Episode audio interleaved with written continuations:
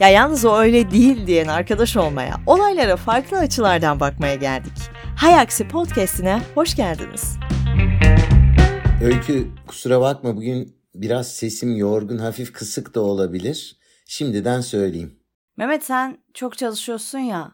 Yani o yüzden bence böyle Hı-hı. hani sesine zarar geliyor da şunu düşünüyor musun? Ya ne güzel bir işim var. Hani iş bulamayan insanlar var. Ben sevdiğim işi yapıyorum. Ya tamam sesim kısılmış olabilir ama hani olsun be, şükür be. Sen bu toksik pozitif kişiliğini sürekli hale mi getirdin yoksa bugüne özel mi? Bu bölüm için yaptım ben bunu.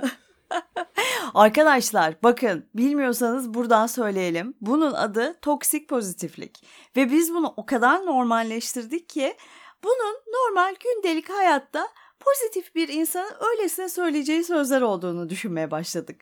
Şimdi ik, ikisine de karşıyım biliyorsun. Bizim olayımız bu. Yani hem ayaksi diyoruz hem karşıyız. Bir, bu aşırı olumlu düşünme e, konusunu konuşacağız zaten. Ama ikinci bir grup var aşırı olumlu düşünenlere çok büyük tepki gösterenler. Onlarla dalga geçenler, alay edenler, onları etiketleyenler. Ya şimdi ikisi de uç baktığında. Dolayısıyla aslında belki gün sonunda şöyle bir ortak noktaya gelebiliriz. Yani olumlu düşünme dediğimiz toksik kısmını çıkarıyorum. Ee, düşüncenin bir artısı var mı? Bilimin desteklediği bir durum var mı? Ee, ne kadarı kabul edilebilir? Tabii bizim söyleyeceğimiz bir şey değil ama fazlasının zarar olduğunu biliyoruz en azından. Ee, o konuda bir anlaşmaya varabiliriz. Dolayısıyla o çok e, bu durumdaki kişilere laf edenler de bir sakin olup dinlesinler. Bak gerçekten çok güzel bir yere parmak bastın. Bir mesela sosyal medyada özellikle bu toksik pozitiflik ortaya çıktı ya. İşte böyle Instagram'ı açıyoruz mesela.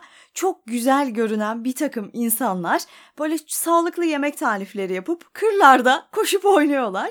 Ve bunu da işte good vibes only falan gibi bir şekilde paylaşıyorlar e, altına onlardan nefret eden bir kitle yorumlar yazmaya başlıyor ve o kitle şöyle düşünüyor. Dünyadaki bütün sorunların sebebi mutlu olan bu insan. Şimdi o da yanlış, o da yanlış yani. bu çok doğru. Bu mesela bir paylaşım yapıyorsun. Ben bunu iş dünyası ile ilgili paylaşımlarda da görüyorum. Örnek veriyorum. Bir probleme el atmış bir firma hoşuna gidiyor. Onunla ilgili yazıyorsun hemen şöyle bir şey geliyor. Öyle diyorsunuz ama esas bunu bunu da yazın. Ya ben niye yazayım onu? Yani ben burada aşırı olumlu ya da farklı bir düşünce içinde değilim. Bir problem varmış, biri el atmış. Zaten o problemlerin binlercesi, yüz binlercesi hayat boyu devam edecek. Ama işte o da toksik düşünceye anti toksik düşünce ikisi birbirini yok ediyor. Aslında tatsız tutsuz bir dünya oluyor. Olumlu düşünmek çok kötü bir şey değil ama ne kadar sorusu tartışılır bir soru. Ya evet burada mesela ben böyle bu konuyu biraz araştırayım dedim gelmeden önce. Nedir hani toksik pozitiflik? Bilmeyenler varsa hani bir insan böyle ne olursa olsun çevresini, kendisini sürekli böyle olumlu ve pozitife yönlendirmeye çalışıyorsa bu bir noktada ayarı kaçtığında toksik pozitiflik oluyor. Çünkü neden? Bizim olumsuz duygulara da ihtiyacımız var. Yani hayatı sürekli böyle bulutların üzerinde yaşayamıyoruz. Olumsuz duyguları kabul etmeye ihtiyacımız var. Burada mesela iki örnekte de hani çok mutlu olan birine işte sen dünyanın sorunlarından haberdar değilsin veya şunu niye paylaşmadın işte hayvan hakları ile ilgili bir şey paylaştıysa işte hasta çocuklarla ilgili bunu niye paylaşmadın demek gibi. Ya bu iki farklı tipte insanda da aslında sorunu doğru yönetememe hali yok mu? Yani bir sorun var ve buna yanlış bir tepki veriyoruz. Evet evet orada sıkıntı tepkilerde mesela aşırı olumlu düşünme örneği bana hep şöyle gelir. Mesela bir bir durum olmuştur. iki gözünü kaybetmiştir. Der ki çok iyi bir fırsat diğer duyularım için. Onları yeterince geliştirememiştim. Bari onlar da gelişir. Şimdi böyle baktığında aslında gülüyoruz. Hani Pollyanna ile akrabalığın var mı diyoruz filan ama mesele şu. E, o duruma belki zamanla geleceksin ama ilk baştaki duygularını inkar etmekten aslında imtina eski dille söyleyeyim. Uzaklaşıyorsun, çekimser kalıyorsun. Yani insan bir travma yaşadığı zaman ya da bir üzüntü yaşadığı zaman insan olduğu için bu da var olan duyguları repertuarı içindedir. Hani şunu kabul edelim. Üzülebiliriz, canımız sıkılabilir, moralimiz bozulabilir, nefret edebiliriz vesaire. Yani bunların hepsini yaşayabiliriz. Ama yasak gibi düşünüyoruz bu duygulara. Ya yasak, bunlar yasak. Bunu yaşayan zaten bu dünyada yeri olmayan good vibes only'yi bozan insan grubudur. Hadi çekil buradan filan. Ya sen gene good vibes'e ulaşırsın ama bu bir süreçtir. Yani milleti zehirlemek zorunda değilsin olumsuzluğuna ama olumsuzluk varsa hayatında bunu da herkesin kabullenmesi gerekir. Şu andaki hissi budur bunun. Niye mücadele ediyorum? Seçmiş o hissini diye. Hay bak şöyle bir ortam yok mu? Yani mesela bir kere nasıl mutsuz olacağımızı da bilmiyoruz. Çünkü sosyal medyaya ne zaman baksak mutlu insanlar görüyoruz ve mutsuz olduğumuzda tamam ben depresyondayım ve asla bundan çıkamayacağım gibi aslında daha kolay aşılabilir bir mutluluğun daha kötü bize yansıdığı bir haldeyiz.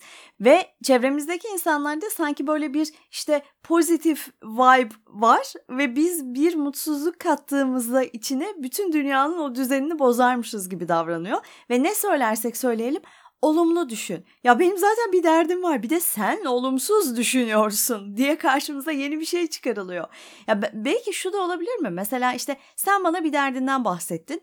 Ben gerçekten samimiyetle sana yardımcı olurken zorlanacağım için sana diyorum ki ama elinde olanlara şükret. Ya çünkü bunun demek çok kolay. Çok güzel iki tane nokta var üzerine gitmemiz lazım burada. Birincisi sosyal medyayı hayatın içine katarsan zaten mutsuz olmaya mahkumsun. Yani oraya bir stratejiyle girmelisin. Ya yazılanlara hiç takmamalısın. Ya yorum bölümünü toptan kapatmalısın. Ya beklentinin olmaması lazım. Biri beğendi ya da beğenmedi kendin için yapmalısın. Ha iş dünyası ile ilgili paylaşımları ayrı koyuyorum. Orada bir amacın olabilir. Çünkü oradaki uç bakış açıları seni sürekli sürekli olarak mutsuz edecek.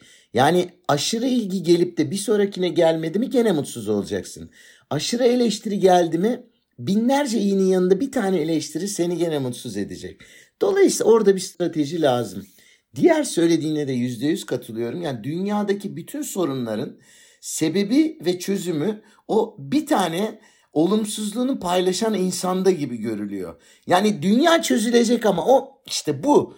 Zinciri bozdu bu. Herkes olumluydu dünyada. Milyar insan 8 milyar mutluluktan uçuyor. Pozitif vibes only, good vibes only. Bir tane adam var. O da zinciri bozdu. Yoksa gezegenimiz kim bilir nerelere gidiyordu. Çok haksız, çok nefret dolu, e, asla kabul edemediğim bir yaklaşım. E, bu arada ben şeyi de baktım. Mesela şimdi bunu biliyoruz ya. Bunun adı toksik pozitifliktir. Herkes bu terimden de haberdar. E, Google'a yazın toksik pozitiflik. Binlerce makale çıkıyor karşınıza. E, bunu bilmemizin üzerinden geçen bunca zamanda bir şey değişti mi diye bakıyorum. Hayır bence daha kötü oldu. Yani böyle mesela işte toksik pozitifliğin işaretleri diye bir şey okudum. Çok güzel bir cümle vardı orada. Diyor ki gerçek duygularınızı sosyal olarak daha kabul edilebilir görünen, iyi hissettiren sözlerin arkasına gizlemek. Yani sosyal olarak kabul edilebilir olmak için acılarımızı böyle bir yere gömmek gibi bir şey yapıyoruz. E kolay da geliyor tabii ki yani ben de oturup mutsuzluklarımı 5 saat düşünmek istemem. Onun yerine tamam işte elimdekilere odaklanayım, pozitif kalayım, iyiler bana gelsin demek daha kolay. Şimdi şöyle bakmak lazım. Birincisi biz insanı rasyonel bir varlık olarak düşünüyoruz. Değiliz. Yani o sosyal çevrenin yarattığı baskılar nedeniyle e, alışkanlıklarımızın nasıl şekillendiğini, kararlarımızın nasıl şekillendiğini biliyoruz. Yani sürekli bir yanılsama içerisinde sırf birileri öyle diyor diye belli hareketler yapabiliyoruz. Ve bunun farkında değiliz. Sıkıntı orada zaten. E, bu toksik e, pozitiflikte de ana mevzu bu üzüntülü bir insan bunun geçeceğini bilmiyor değil büyük ihtimalle. Sadece bunun geçeceğine dair onay alma ihtiyacı olabilir. Onu duyduğunda gerçek duygularını unutuyor. Çünkü çevresinden biri ya boş ver diyor. Şimdi o boş ver diyenin de umurunda değil aslında. Çünkü o da kalıp konuşuyor. O, o daha beter yani. Boş ver ne olacak geçer diyor. O da kalıp konuşuyor. Öbürü bu kalıbı satın alıyor dediğin gibi ve belki de yaşaması gereken öğrenmesi gereken duyguları öğrenmeden bir sonraki adıma geçiyor. Benzer bir olayda gene yıkılıyor, dağılıyor. Gene birileri diyor ki geçer. Ya gelişiminin önüne geçiliyor. Yani toksik pozitiflikte öyle bir sıkıntı var benim görebildiğim. Gelişebileceğin bir durumu analiz etmek yerine geçiştirebileceğin bir durum haline getiriyorsun. Ee, onun da bedeli uzun dönemde daha ağır, ağır olabiliyor. Ay çok güzel motto gibi oldu ya bu cümle. Bana böyle senin anlattıkların pandemi dönemini yani pandeminin ilk zamanlarını aklıma getirdi. Böyle iki insan tipi vardı ya ben grup 1'deydim. Grup 1 şöyle hiçbir şey bulamayacağız yiyecek tuvalet kağıdı da bitiyor ne yapacağız herkes ölüyor yani tamam bu bu da yanlış bir şey çünkü fazla olumsuz ama bir de şöyle bir grup vardı ya yani çevremizde de birçok kişi böyleydi. E, bu evde geçirdiğim zamanları yeni bir dil öğrenmeye ayırmalıyım. Ya yarına çıkacağım belli değil yani nasıl böyle düşünüyor olabilirsin? Mesela bugün baktığımızda o baktığım okuduğum bir sürü makalede pandeminin başındaki bu tavrı toksik pozitiflik olarak tanımlıyorlar. Toksik olmayan pozitiflik nedir? Gel birazcık da ondan bahsedelim. Benim koyduğum bir isim yani bilimsel olarak ne kadar desteklenir bilmem ama hani okuduklarım dinlediklerimden çıkan bir şey. Gerçekçi olumlu düşünce diye bir şey diyebiliriz. Şimdi gerçekçilik boyutu çok kritik. Yani bu bir süreç anlatıyor. Evet bunun içinde e, sabırlı olmayı gerektiren, acı veren duygularla yüzleşmeyi gerektiren, olumsuzlukların e, zaman içerisinde çözüleceğini kabul eden bir yaklaşım var. Bir sonraki adımı da var. Yani bunlar evet bunlar yaşanacak ama sonuçta büyük ihtimalle dünyada hemen her şeyin geçtiği gibi sağlık önemli bir konu. Onu hani ayrı parantez içinde tutuyorum. Bunların da gününün etkisinin azalacağı belli bir süre geçecek ve ben aynı olumsuz hisleri yaşamayacağım. Bu da işin olumlu tarafı. Bir de şöyle düşün. Elimden geleni yapacağım. Mesela bir durum var. O durumdan kurtulmak adına elimden geleni yapacağım. Sonucun olumlu olacağına dair bir düşünceye sahip olmam kime zarar verir? Şimdi bu önemli bir soru. Beklentilerimi yüksek tutarsam ve o beklentim karşılanmazsa daha mutsuz olabilirim. Bir opsiyon. Ya da beklentilerimi gerçekçi boyutta ama iyiye dönecek diye tutarsam ve düşündüğüm gibi giderse ben daha hızlı yol alırım. Nitekim birçok araştırma da bunu destekliyor. Yani beynin çalışma prensipleri içerisinde e, çeşitli kimyasalların, olumlu kimyasalların devreye girebilmesi için olayı öyle algılama biçiminin de yararı olduğu söyleniyor. Fakat tekrar söylüyorum risk var mı var? Her şey güzel olacak ya, ya olmazsa. Evet ama... O zaman daha tepeden düşeceksin. Ama bak senin söylediğinde şu var. Yani hayatın sorumluluğunu almak. Bu geliştirmemiz gereken bir yan. Hani böyle baktığımızda bugünü gördüğümüzde hiç kimse yaşananların sorumluluğunu almıyor ki. Kötü bir şey olduğunda Instagram'da iyi bir şey paylaşan bir influencer'dan hani bunun hesabını soruyoruz. E, ya da işte hayatımızda hep çok güzelmiş gibi paketleyip göstermeye çalışıyoruz. Hiçbir şeyin sorumluluğunu almadan onların sadece olumlu düşünerek çözülmesini beklemek bence hiç gerçekçi bir hedef değil. E, sorumluluk almaktan da giderek uzaklaşmamız da aslında çok korkutucu. E, bu da çok güzel bir nokta. Evet bütün olaylara bakış açısını ben ne gözlemliyorum biliyor musun? Bağıntı yok. Yani kora, korelasyon yok. Yani elma ile armutu kıyaslıyor. Bambaşka iki konuyu bağlamaya çalışıyor. Hani biz deriz ya bir bağlam olması lazım bu iki konu arasında. Bağlama yok yani. Bağlam da yok, bağlama da yok. Bambaşka bir konuya birinin inanılmaz büyük gösterdiği bir tepki var. Tepki göstermesi gereken konuya göstermedikleri var hemen bir kaçak e, güreşme dediğimiz bir tabir var ki onu çok güzel söyledin. Sorumluluktan kaçma. Dolayısıyla biz ne yazık ki insanlık olarak bahane çok sevdiğimiz için bu bahanelere sığınıyoruz. Ket vuruyoruz. Bu aslında çok net bir şey. Ket vuruyoruz. Bir olumsuzluk var. Bundan ders alayım bir daha olmasın ya da duruma hızlıca adapte olayım yerine ket vuruyoruz. E, abi ne kadar hızlı unutursam o kadar iyi diyoruz ki bunun da zaman zaman avantajları oluyor ama tekrar geri sarıyorum. Hayatın sorumluluğunu almadığın için aynı yerde sayıyorsun aslında. Sadece gününü kurtarmış oluyorsun. E, çok belki klasiktir ama geleceğinle ilgili bir yatırım yapmamış oluyorsun. Bu böyle işte 21. yüzyıl becerileri diye bir şeyler sayıyorlar ya işte dayanıklı olmak, adapte olabilmek mükemmel şeyler ama bence bunu yanlış anlıyoruz. Yani adapte olabilmeyi olumlu düşünmek zannediyoruz. Halbuki kötü koşulların da içinde mantıklı düşünerek bir şekilde çıkış yolları bulabilmek veya o an o durumda kalmak zorundaysak onunla barışabilmek gibi şeyler lazımken biz böyle sanki uzun bir yolu yürümek yerine arkadan bir kaçış bulmuşuz. Evet evet bu zaten insanlığın en çok sevdiği şey. Kültürel olarak bazen daha fazlası bizde var. Hani bu işin bir kolayı yok mu? Vardır ya. Abi bir kolayı yok mu? Biz bunu çözeriz, halledersin vesaire gibi. E aynı mantık. Bu adapte olmak, uyumlanmak e, hayatta kalmanın birinci şartı. Ama bu acı verebilir mi? E verecektir bazen uyum süreçleri. Çünkü bir değişim gerektirir. Dayanıklı olman gerekiyor mu? Gerekiyor. Kimse kolay olduğunu söylemiyor zaten. Hani kolay bir şey beklersen zaten orada mutsuzluğa gidiyorsun. O olumlu düşünce elinden geleni yaptıktan sonra başlıyor bana göre. O zaman gerçekçi oluyor. Hmm. Başlamadan daha ortada fol yok yumurta yok olumlu düşünceyle gidersen orada bir şeyler eksik kalabiliyor. Ya çok güzel bir şey söyledin ya. Olumlu düşünce elinden geleni yaptıktan sonra başlıyor. Yani durumu gerçekten net bir şekilde görüyorsun. Atacağın adımları belirliyorsun. Sonrasında da karalar bağlamak yerine tabii ki olumlu düşünmeyi tercih ediyorsun. Ee, ben bir tane hikaye anlatıcılığı atölyesine katıldım ve orada bence Türkiye ile ilgili çok iyi bir tespit vardı. Bu bizim anlattığımız masallar olabilir, diziler olabilir. Biz bir şeyleri böyle dibine kadar e, acısını ortaya çıkararak, parlatarak anlatmayı çok seviyoruz. Hani böyle bakınca da biraz böyle toksik pozitiflik daha iyi gibi görünüyor. Çünkü biri böyle karşımıza geçip de olumsuz şeyleri anlattığında onu ne kadar sündürüyor, ne kadar böyle daha da can acı, acıtıcı hale getiriyor. E, bu çok fazla siyah beyaz arasında gidip geldiğimizde çok ilintili. Aslında hayat gri. Yani nereden baktığına bağlı. Hayat gri ama biz diyoruz bu çok iyi, çok iyi, daha iyisi olamaz. Bu çok kötü, çok kötü. Dilimize de bunu yansıtıyoruz. İşin sıkıntısı orada. Mesela bir şey seyrediliyor diyelim bir filme gidiyorsun. Berbat, çok kötü. E değildir ya. O kadar da kötü olamaz. Anlatabiliyor muyum? Yani daha koyu gridir ama yani o kadar da kötü olamaz. Diğer konuya döndüğümüzde de aslında insanlığın e, bir artısı bu. İflah olmaz iyimserliği. Yani iflah olmuyor. Çünkü bu hatalara da sebep oluyor. Mesela çok anlatılan e, bir e, kumarbazların düştüğü durum var.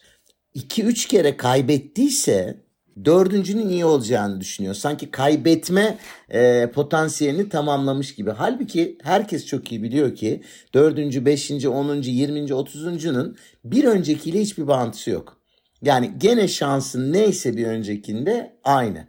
Tersi de doğru. Kazanmaya başladığında tamam diyor gidiyorum. Halbuki hiçbir şekilde bağıntısı yok. Yani tabii bu şeyle ilgili. Nerede oynadığıyla da ilgili olabilir. Ama çok anlatılır bu. Sonuç itibariyle biz iyimser tarafı seçme potansiyelimiz var. Artısı var mı? Var. E bizim atalarımızı düşün. Mağaradan çıkıyor. E, yeni yerler bulmaya çalışıyor. Ya bir de şuraya gidelim diyor. Mesela orada bir yeni e, şey görüyor, görüyor. Bağıntı görüyor ya da bir nehir görüyor. Ya ben bunu aşayım bir bakayım diyor mesela. Şimdi demeseydi biz aynı yerde oturan e, büyük ihtimalle 8 milyara ulaşmamış ama gelişim olarak da berbat bir durumda insanlık olacaktık. Var olacak mıydık bilmiyorum. Dolayısıyla artı tarafı da var ama o nehri geçecekse hazırlığını tam yapıp geçmeli. Ya bir şey olmaz yürü geçeriz diye geçmemeli. Sözün özü bu yani. Şeyi düşündüm sen anlatırken hani bizim bir hayatta kalma içgüdümüz var ya o bizi pozitif düşünmeye sevk ediyor tabii ki. Ama bir yandan da yani senin dediğin gibi atalarımızı düşündüğümüzde hayatta kalma içgüdüsüyle o risk alma arasındaki bağlantı çok önemli. Fazla risk alırsan da hayatta kalamazsın. Ya şöyle bir şey var. Hayatta kalma içgüdüsü aslında bizi geriyor ama bana bir şey olmazı da ekinde getiriyor. Yani ya bu çok güzel hikayedir. Defalarca da test edilmiştir. İki çalışanı karşısına oturuyor. Oturtuyorlar ve diyorlar ki firma %50 küçülmeye gidecek. Bu ne demek? Yani ikisinden biri işten çıkacak.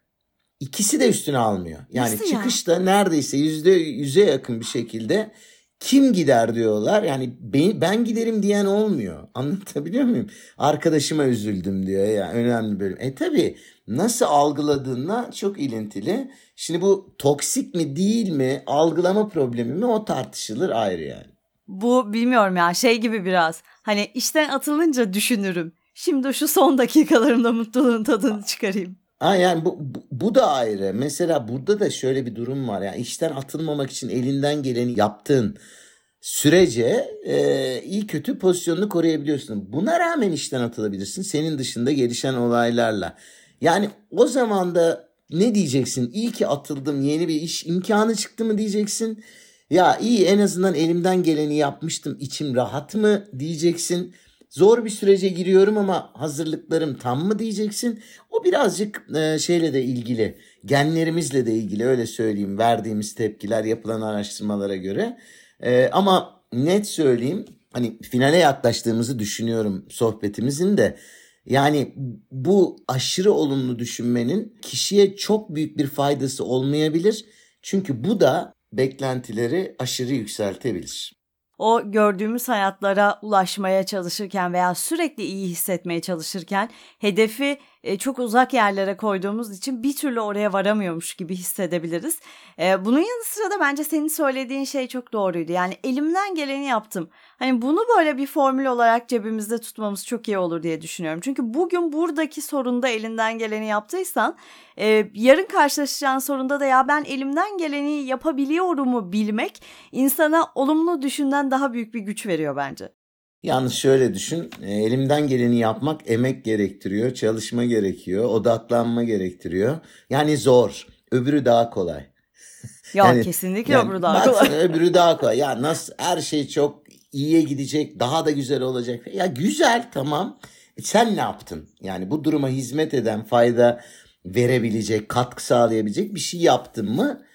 O emek. Emek her zaman biliyorsun biraz daha zor geldiği için nasıl kaçarız diye sorulan sorudur. Ya o zaman şöyle diyelim mi? Bu böyle kendinizi veya çevrenizdekileri çok pozitif, toksik pozitif olarak görüyorsanız, kendi içinizde veya onların içinde bir boşluk olduğuna inanıyorsanız o boşluğu emekle, elinden geleni yapmakla doldurabilirsiniz. Belki daha iyi hissedersiniz. Sonucu olumlu, olumsuz fark etmez ama hayat bu yani zaten. Evet bir de Allah aşkına kimse kimseyle uğraşmasın ya. Bırak bırak herkesin seçimi kendinedir. Ya medyada sosyal medyada dolaşıp ona buna yorum yazmak benim gerçekten hiç anlayamadığım bir konu. Ya bir şeye hiz, hizmet etmiyorsa bir amacın yoksa yapma ya yazık. Herkese yazık. Senin zamanına emeğine e, okuyanın ruh haline herkese yazık. Ya mevzuları doğru yönlendirmeyi öğrenmemiz gerekiyor. Ben buradan onu çıkarıyorum. Evet, evet kimseyi eğitmeye ihtiyacımız yok. Yani böyle kolektif bilinç yaratalım, bunu yok edelim falan. Yani güzel sen öyle davran seni görüp insanlar öyle davransın. Yazınca olmuyor. Sen davranışlarında göster. Şey diyebilir miyiz hocam? Herkes kendi içine dönmeli. ya bir içimizi çözsek zaten hepsi totalde düzelecek. İçte sıkıntı var. İçte sıkıntı var diyerek bu bölümü bitirelim mi o zaman? Hay Aksi Podcast'inde bence harika bir konuydu bu toksik pozitiflik. Daha da üzerine çok konuşurduk. Ama bence diğer bölümlerde de bunun böyle kenarından köşesinden dönen bir laflar edeceğiz diye düşünüyorum. Ee, Mehmet çok teşekkürler. Sana Positive vibes only tadında bir gün diliyorum. Bu mu yani? Bu kadar konuştuk. Böyle mi? Aa, güzel dileklerimi iletmeyeyim mi? Yok. Positive vibes only. Only kısmı birazcık şey. E, all kinds of vibes ama birazcık pozitifte olabilir. Çok iyi. Haydi görüşürüz. Hoşçakalın.